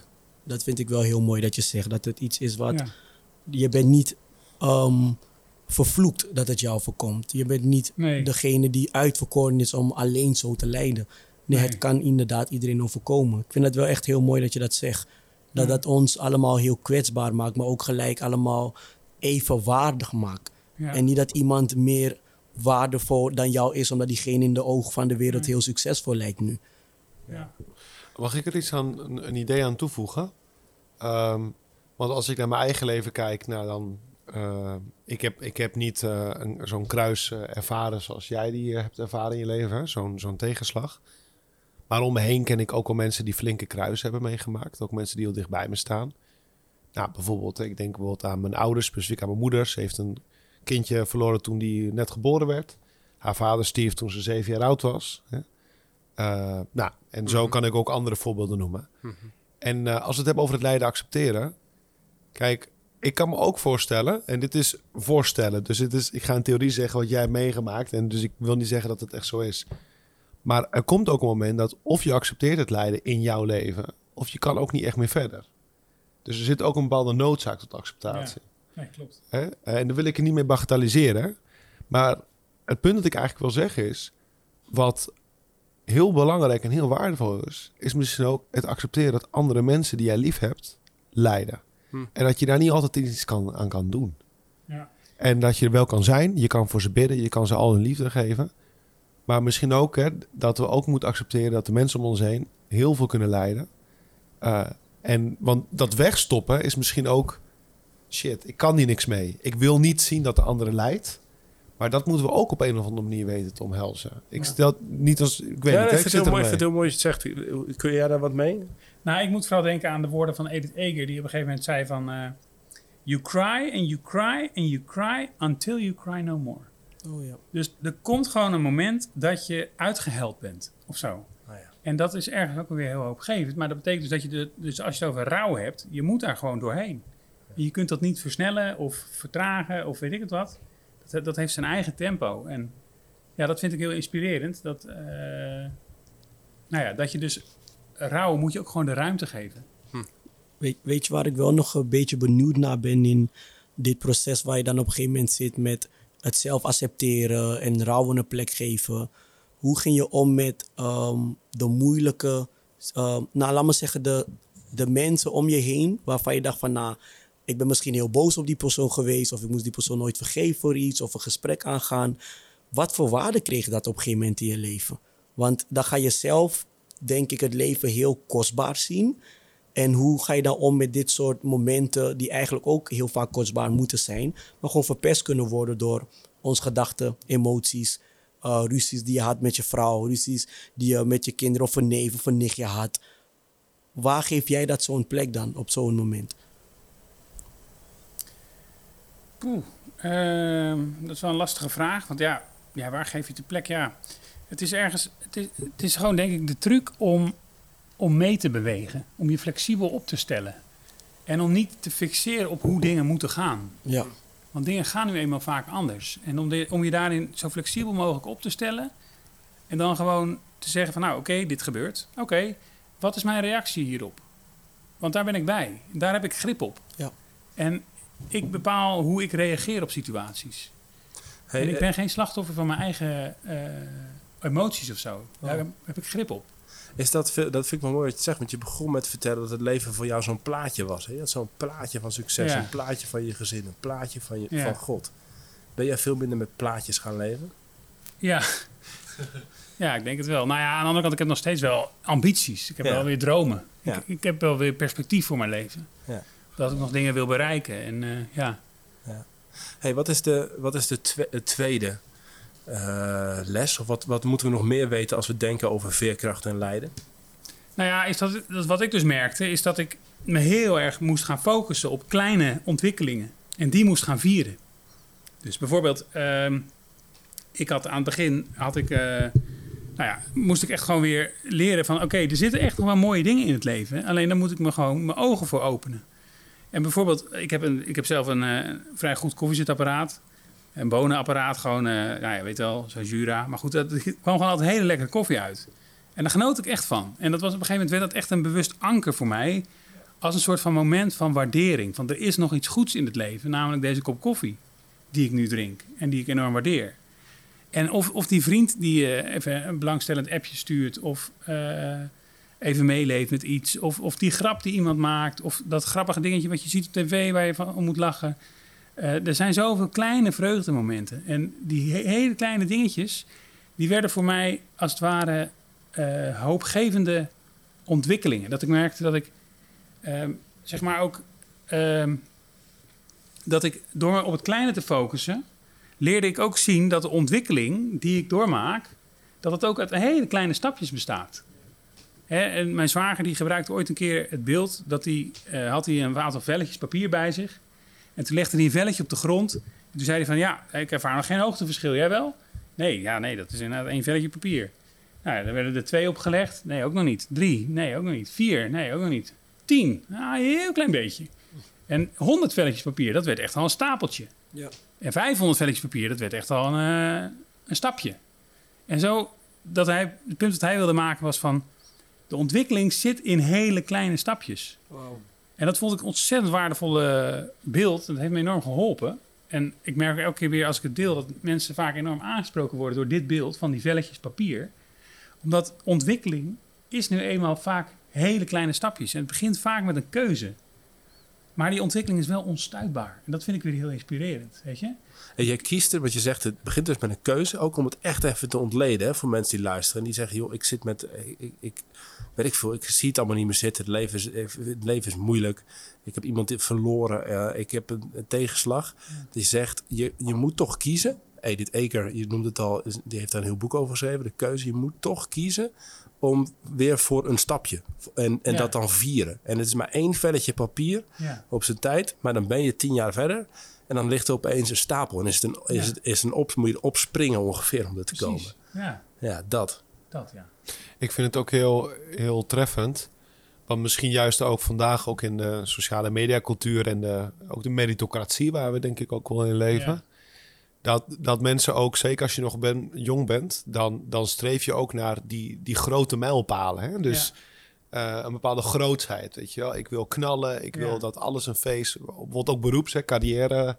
Hè, van eh, nou, de toffe start-up of dat toffe bedrijf waar ik dan werk, weet ik wat allemaal. Maar dit zijn gewoon lessen die helpen om in te zien van... kijk, ah, de successen in het leven, ja, misschien heb je ook een keer geluk... en krijg je opeens een loterij. Ja. Dat is volstrekt willekeurig. Maar het is inderdaad één voor één, stapel voor stapel. Eh, het is gewoon iets heel discreets, iets kleins. En dat bouwt zich op tot iets groots. Ja. Nou, en het is ook wel, ik herken het wel in mijn ondernemerschap bijvoorbeeld. Eh, ik ben ook wel, het zal voor jou trouwens, ik ben wel benieuwd of dat makkelijk om te accepteren was. Want jij was van de grote halen en de grote stappen. Ja. En van risico's en van dat. Hè? Dus eh, het zal niet makkelijk zijn geweest om dat te erkennen en te vinden of zo. Maar ik, ik herken wel een beetje dat, dat alles wat goed is ook tijd nodig heeft. Dus ook in mijn ondernemerschap Ja.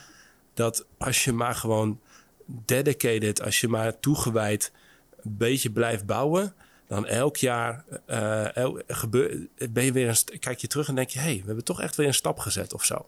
En het gaat, het gaat geleidelijk, stapje voor stapje. Jij bent ook ondernemer, je bent ook bezig met van alles en nog wat. Jij doet dat ook. Je merkt dat je leven wel een soort van, ja, dat, dat bouwt op of zo. En als je dat niet overhaast en niet gelijk daar wil zijn, niet snel geld, niet snel succes wil, ja, dan, dan is, de, kans dat, het, dat wat je vindt en wat je creëert en wat je krijgt en het succes en de ontwikkeling die je ervaart, dat het ook veel bestendiger is dan. Het is veel zeker, het is veel stabieler.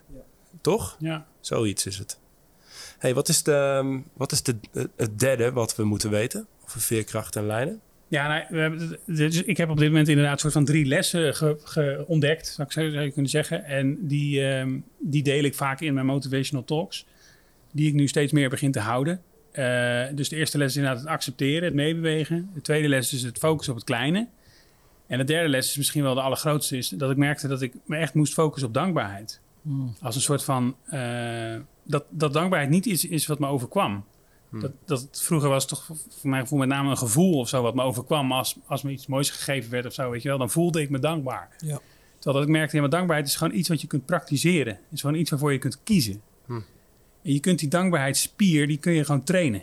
Ja. Door je te focussen op dat wat er wel is, kun je heel bewust zeggen: Oké, er is heel veel niet en daar kan ik me nu op blind staren, maar dit is er wel. En daar ben ik dankbaar voor. En door dat elke dag te doen, is het zelfs zo dat wetenschappelijk gezien schijnen je hersenen zelfs zichtbaar te veranderen op het moment dat je dankbaarder bent. Zo. Ja. Dus het heeft gewoon echt impact op, op je leven en op, hoe je, op je perspectief en op je energie en op je gemoed en op al die dingen meer. Grijpt dat in. Dus En hoe doe je dat dan? nou ja, ik heb aan het begin heb ik bijvoorbeeld echt gewoon een dankboek bijgehouden. Dat ik gewoon elke dag tien dingen moest verzinnen waar ik dankbaar voor was. Terwijl je in die shit zat. Ja, waar je zoveel verloren precies. was. Dan, en, en dan, ik kan me voorstellen dat je soms naar dat ding hebt gezitten kijken en denk, gets idee, moet ik hier nu, terwijl ik me zo Ja. voel, dingen, dingen gaan zitten bedenken waar ik dankbaar voor ben? Ja, ja, of dan viel ik in herhaling. Ja, dan was het weer die kop koffie. Ja, die, eh, die stond er bijna elke dag op bij spreken. Maar dat gaf ik niet, weet je. Dat ik dacht van, ja, maar het gaat erom dat ik nu gewoon tien dingen verzin waar ik dankbaar voor ben. Ja. Nou, dan ben ik dankbaar voor die goede vriend. Dan ben ik dankbaar voor die, dat huis waarin ik woon. Dan ben ik dankbaar voor die warme douche die ik heb. Waar ik enorm van geniet. Van die kop koffie die ik lekker drink. Dan zijn er zo tien dingen te verzinnen. Maar het is, het is met name het trainen van dat ik merkte... je kunt gewoon dankbaarder worden. Ja. En daardoor positief in het leven staan. Daardoor meer licht zien. Meer perspectief zien. Veerkrachtiger zijn. En veerkrachtiger zijn. Juist. Hey, en nu, en dan ben ik toch even nieuwsgierig, even, ja, niet- niet om, ja, om een beetje kritisch te zijn ook. Je hebt dan op een gegeven moment die, die drie dingen ontdekt, hè? Maar het leven blijft ook gewoon het leven. En, ehm, en het kan ook een beetje zo'n model worden, eh, bij wijze van, hè? Ik vind het heel waardevol wat je zegt, hè? Dus, dus niet om je aan te vallen of zo, maar gewoon echt uit, uit interesse van dat ik denk... En lukt het dan ook om dat echt, in, in- echt zo te, te leven en te ervaren? Of heb je toch zoiets van, ik wil af van dat lijden. Ik ben er gewoon klaar mee. Het is eh, dat, hè? Is het, het, is het een... Is het, lukt het om dit te leven of is het een verhaal? Nee, dit lukt natuurlijk niet elke dag om dit te leven. Dat mogen duidelijk zijn. Er zitten echt nog wel momenten tussen waarop ik denk... Gert verdemme, ik heb hier helemaal geen zin in. Ja. Ja, dat mogen duidelijk zijn. Dat heb ik absoluut nog. Ja. Maar het is, het is elke keer, denk ik, voor mij nu nog de kunst om me dan... Dan breng ik mezelf wel weer vaak terug naar die lessen. Hmm. Dat ik merk, oké... Als je iets meer naar voren gaat zitten nog, oh, dan... eh, sorry. Super. Zit ik niet goed in de microfoon te praten? Ietsje, top. Ja. Sorry, ja, ga verder. Nee, dat ik dus zeg maar eh, me elke keer terugbreng naar die lessen als een soort van oefening om me daarin te praktiseren. Ah, ja. ja, want ik geloof er wel in.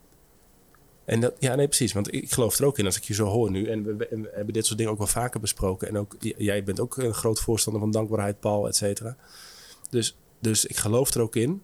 Ik vind het, eh, het, het is denk ik alleen reëel. Het is, het is mijn eigen frustratie ook dat ik zo vaak ook bepaalde van dit soort dingen of andere dingen probeer toe te passen in mijn leven.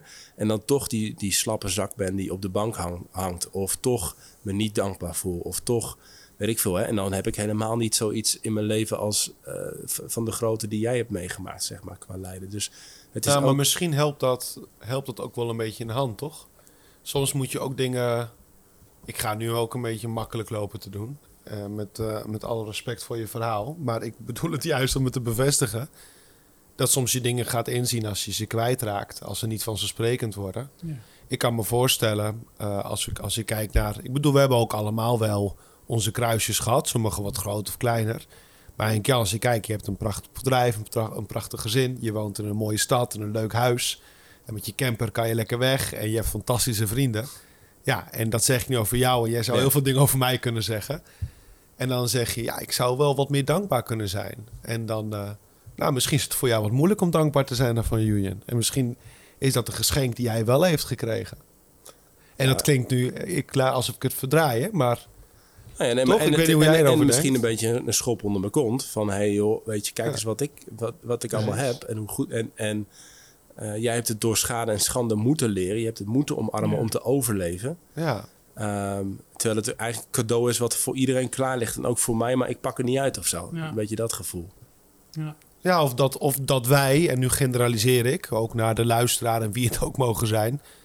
Ja, dat het comfort ook van het dagelijks leven ons misschien ook niet altijd in staat stelt om echt goed te kijken. Ja. Wat is nou belangrijk? Ja, misschien is dat nog wel een soort van... Dat is ook een vraag waar jij wel mee zat volgens mij, Paul. Hè? Van, hey, ook geestelijk gezien. ehm, we zeiden vroeger dus lijden loutert ook een beetje. Is dit dan wat... wat dus, dus het leert je ook wat. Het zuivert je ergens op een bepaalde manier. Het laat je meer zien van wie God is en wie, jij, wie je zelf bent. Is dat ook hoe je het ervaart? Zeg maar, wat... ehm, het is een gevaarlijke vraag, want lijden is soms ook gewoon afzien. En er, is misschien niet altijd een zin. Wat is de zin van het lijden? Dat is een beetje wat ik bedoel te vragen. Is er en loutert het? Of, of is het eigenlijk ook iets waarvan je nu nog steeds zegt van...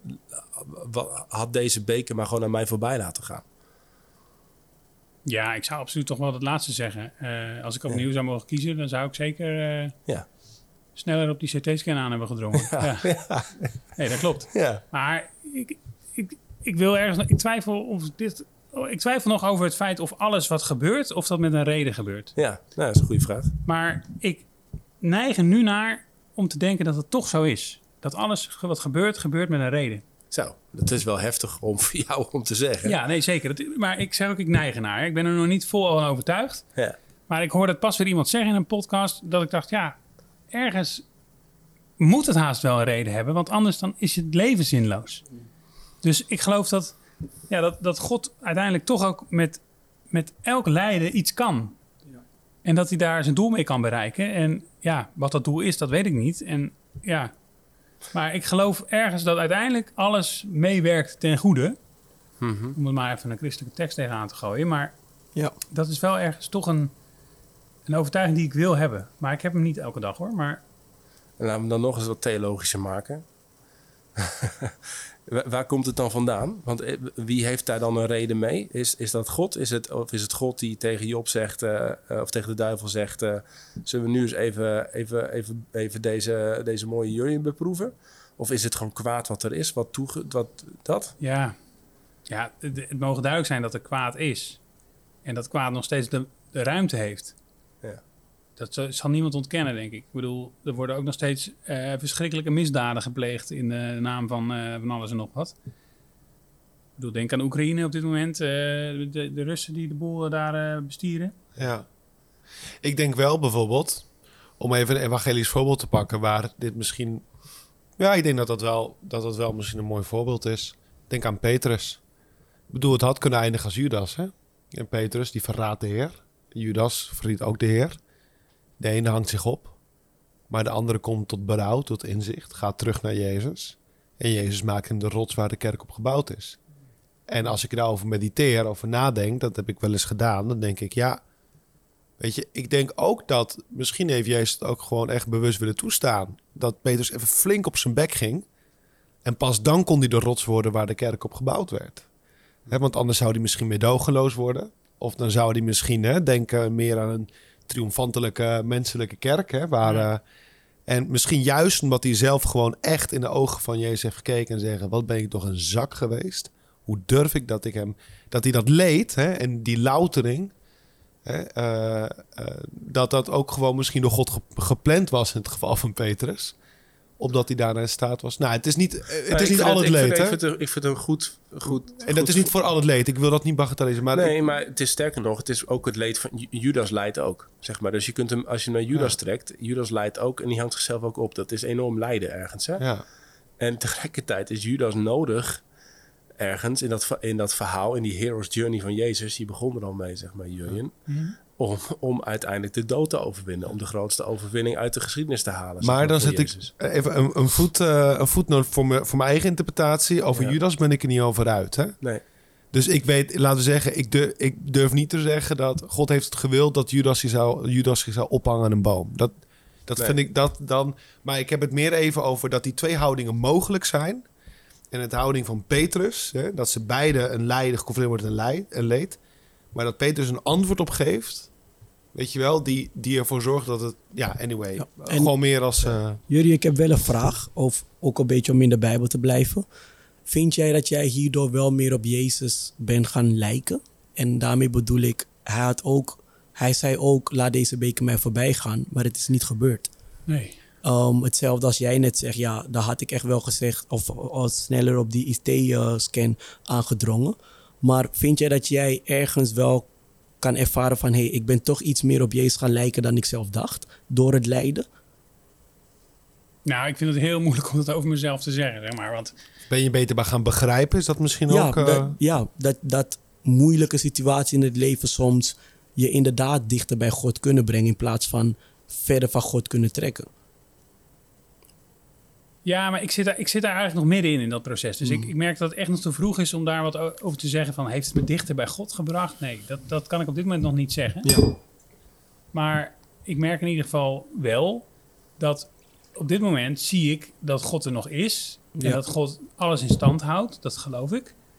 Eh, dat God een plan heeft met deze wereld, dat God een plan heeft met mijn leven.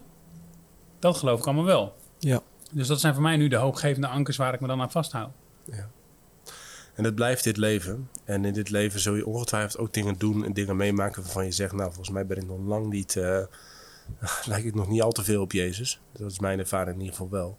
Ja. En tegelijkertijd, als ik je zo hoor praten en, en eh, je, je bezig zie en, en de lessen die je hebt, het accepteren, het loslaten, je leven verliezen, dat vind ik op Jezus lijken, man. Ja. En ik, als ik je hoor zeggen, hoor praten over focus op het kleine, dat kleine mosterdzaadje, dat is continu de, de les van de Bijbel. Het is, het is, het is het, datgene wat niet gezien wordt, wat een onmin is, dat, dat, dat zien. Dat, eh, dat, en dankbaarheid. Ik bedoel, als er één ding is in de Bijbel wat, wat, wat Jezus ons ook leert. Bidden, danken. Ja, dat, dat zijn allemaal dingen waar, waarin je meer op Jezus bent gaan lijken, denk ik, dan misschien de man die je was daarvoor. Ja. Dus ehm, Nou, dat is dan misschien meer iets wat over je gezegd moet worden. Want ja. Ik merk dat ik zelf nee, dat lastig snap ik ook wel. maar- Het is, dat, maar nou, ik, dat ik zie dat in ieder geval wel. nou ja, nou, dankjewel. Zelfs, ja. Hey, en ehm, je had het over dat je ambities en projecten hebt.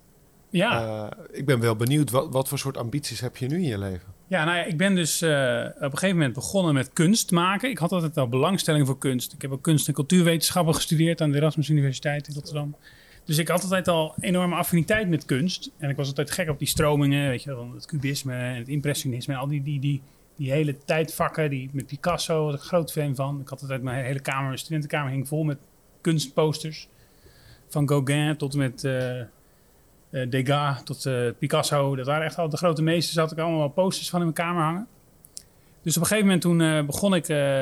toen tipte iemand mij van... joh, volgens mij iemand uit de familie die zei... joh, ga eens kijken bij Kunst om de Hoek. Dat was een atelier in Haarlem... met mensen met niet aangeboren hersenletsel die daar werkten. Dus aan het begin had ik er echt helemaal geen zin in. Weet je, dat ik dacht, ja, dan zit ik tussen al die kneuzen. Een beetje, ja, zo voelde dat een beetje. Maar goed, uiteindelijk ben ik er toch wel heen gegaan. En toen ben ik dus begonnen met... eh, en dat waren best wel leuke gasten die daar werkten. Vooral die begeleiders. Dat waren best wel aardige mensen.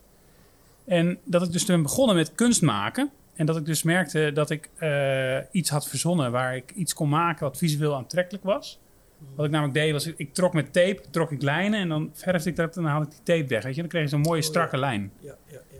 En dat deed ik dan laag voor laag in allerlei kleuren. Dus in een heel veelkleurig lijnenspel kreeg je dan eigenlijk op je doek.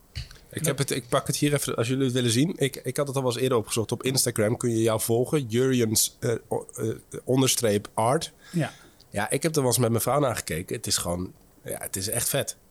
Dus, maar goed, jij, bent, jij zat in dat, en je bent dit, dus het is heel kleurrijk. Het zijn, ja, het is een beetje impressionistisch, veel lijnen, veel. ja. Maar dit ben je gaan maken, dus. ja dit dus- doe je. Ja, inmiddels ben ik dus eigenlijk gewoon eh, fulltime kunstenaar inderdaad. Want het begon dus echt te lopen. Mensen kochten mijn werk. Zo. Dus ik, ik vond het zo tof dat ik iets maakte wat, wat mensen mooi vonden. En dat ik dacht, hé, hey, ik heb nog iets te geven aan de wereld. Weet je? Ik heb nog iets van te bij te dragen. En Ja. dit geeft mij voldoening en hier haal ik nog iets uit.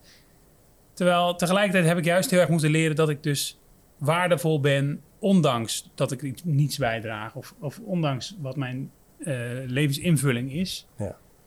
Dat ik daar juist eigenlijk. ehm, dus dat blijft voor mij ook nog een spanningsveld hoor. Dat, dat zeg maar mijn eigen waarde halen uit wat ik doe. Ja. Dat is wel een beetje mijn grootste verleiding. Ja. En ehm, dat ik nu in ieder geval wel mezelf rationeel of verstandelijk weer trek naar van nee, je bent geliefd zoals je bent. En het is goed genoeg. Ja. Het maakt niet uit wat je doet. Maar goed, vanuit die plek ben ik dus wel die kunst gaan maken. En dat verkoop ik dus nu steeds meer. Dus ik heb ook al aardig wat volgers op Instagram. En ik eh, vind het echt ontzettend leuk om, om dingen te verkopen. En daar dan, eh, nou ja, daar haal je ook weer voldoening uit. Weet je, dat je je eigen boterham kan verdienen. Mhm. Eh, dus dat begint nu langzaam een beetje te lopen. En eh, ja, dit is eh, inderdaad wat ik maak. Ik zie het doorheen scrollen, maar eh, ja. Je hebt zo net een nieuwe volger erbij gehad, eh Jurien. Nou, dank je. Ja, Ja, nee, het is, het is met name... eh, dus die lijnenspellen, daar begon het mee. En op een gegeven moment werd het ook abstracter nog. Dat ik echt ging experimenteren met gewoon verf in, op agressieve manier op doek brengen of spuiten, weet je wel. Dus dat ik echt allerlei technieken ging uitproberen. En, eh, nou ja, dat, maar het was met name die veelkleurigheid die ik wilde uitdrukken. Want daar, ik geloof dat daar in de Is, dit, veerkracht is, zit. is dit schilderij nog beschikbaar? Of is dit al verkocht? Ja, dat weet ik niet. Ik weet niet Oh, dat is ze een- met twee vlakken. Mijn vrouw en ik zijn nogal fan van Rothko. Oh ja, daar ben ik ook groot fan van. Ja, En eh, dat is de, twee grote, een rood en een geel kleurvlak, zeg maar, aan beide Ja. kanten. En daartussen in allerlei strepen. Doet een beetje... ja. Hey, ik heb een heel, een heel eh, nou, toch wel relevante kunstvraag over jouw schilderijen. Heb je al eens een leeuw geschilderd? Dat is Nee. figuratief, dat is Nee, weer wat anders. Ja, precies. Het is, ja, ik kan niet echt figuratief schilderen, want dat, dat, dat lukt niet met mijn visuele eh, beperking. Dus ik, ik, Of misschien de manen van een leeuw? Zou je dat kunnen schilderen? Dat zou... ja, daar zou ik misschien wel eens iets mee kunnen doen, ja. Dat is op zich wel een leuk idee. Hey, de, staat, staat, nou, dan, dan eindigen we ook nog even bij die tatoeage. Hoe dan ook. eh, ehm, eh, eh, wat stond er ook alweer? It's your... I trust your I heart trust your heart. and your intentions. Your intentions. Dat, is nog ste- dat staat nog steeds overeind? Ja. Ja. Ook van jezelf? Dus je, je zegt dit over God. Geloof je, ben je ook nog steeds... Gaat het ook over jezelf? Even... Dat ik mijn eigen hart en mijn eigen intenties vertrouw? Ja? Nee, die vertrouw ik niet. Nee, oké. Ja, nee. Domme vraag waarschijnlijk. Ja, nee, die zijn niet zuiver. Nee. nee. En maar die van God is wel. En Daar Ja. vertrouw je op. Ja, dat- Daar koers je op. Dat is wel echt, precies. Ja, dat is echt mijn eikpunt. Ja. Mooi. Het is warm hier op deze zolder. Zeker. Ehm, ik vond... Het, het is... eh, nou, er is een hoop voorbij gekomen, Jurjen. Ehm, thanks daarvoor. Graag gedaan. Ja, ik vond het... eh, ik- vond het het, is een, het is een bijzonder verhaal wat je hebt. Het is fijn dat je het deelt. Ehm, en eh, volgens mij, ik hoop dat je, dat je in beide... Dus dat je de, de dingen rondom kleinheid en niet je identiteit in, in vinden wat je doet. Al dat soort dingen wat je net zegt ook. Dat dat overeind blijft. Die lessen die je net leert. En tegelijkertijd ben jij ook gewoon... Ja, je bent een ondernemer. Je bent een doener. En je, en je kunt dingen. En je hebt schoonheid in je. En je, je hebt een hoop lessen te, te delen en te geven. En dat mag er volgens mij ook zijn. Dus ik vind het te gek dat je daar ook weer ruimte voor aan het vinden bent in je leven. Ja, ja, ik heb dus nu ook inderdaad een website. Gaaf. En daar presenteer ik mezelf ook een beetje als een motivational speaker. Kijk. Lekker. iemand die je kunt boeken om een praatje te Ja. verzorgen op je bedrijf of eh, voor je team of eh, Ja. voor je kerk of weet wat. Dus eh, ik zou zeggen, kijk vooral op mijn website inderdaad, want eh, ik kom graag bij je spreken. Nou, Tof. Jurian's Art op Instagram en jurianvanhouwelingen.nl. Voor de, nou, ik ben in ieder geval wel weer gemotiveerd om wat meer met dankbaarheid en, eh, en de kleine dingen ook te doen. Ja. Nou, en ik, ik zou ook nog graag een, een, een tip naar aanleiding van. Ik heb natuurlijk ook zitten nadenken tijdens het gesprek. Een tip ook aan de luisteraar. Ehm, als het gaat over het, het leed en, en, en hoe kan je je daarop voorbereiden als het op je pad komt, et cetera. Ja? Ehm, het, is, nou, het is gewoon heel mooi, net zoals het verhaal van vandaag. Hè? Als je hier al bent in, de, in, in dit moment van de podcast, dan heb je al heel het verhaal van jullie gelu- geluisterd.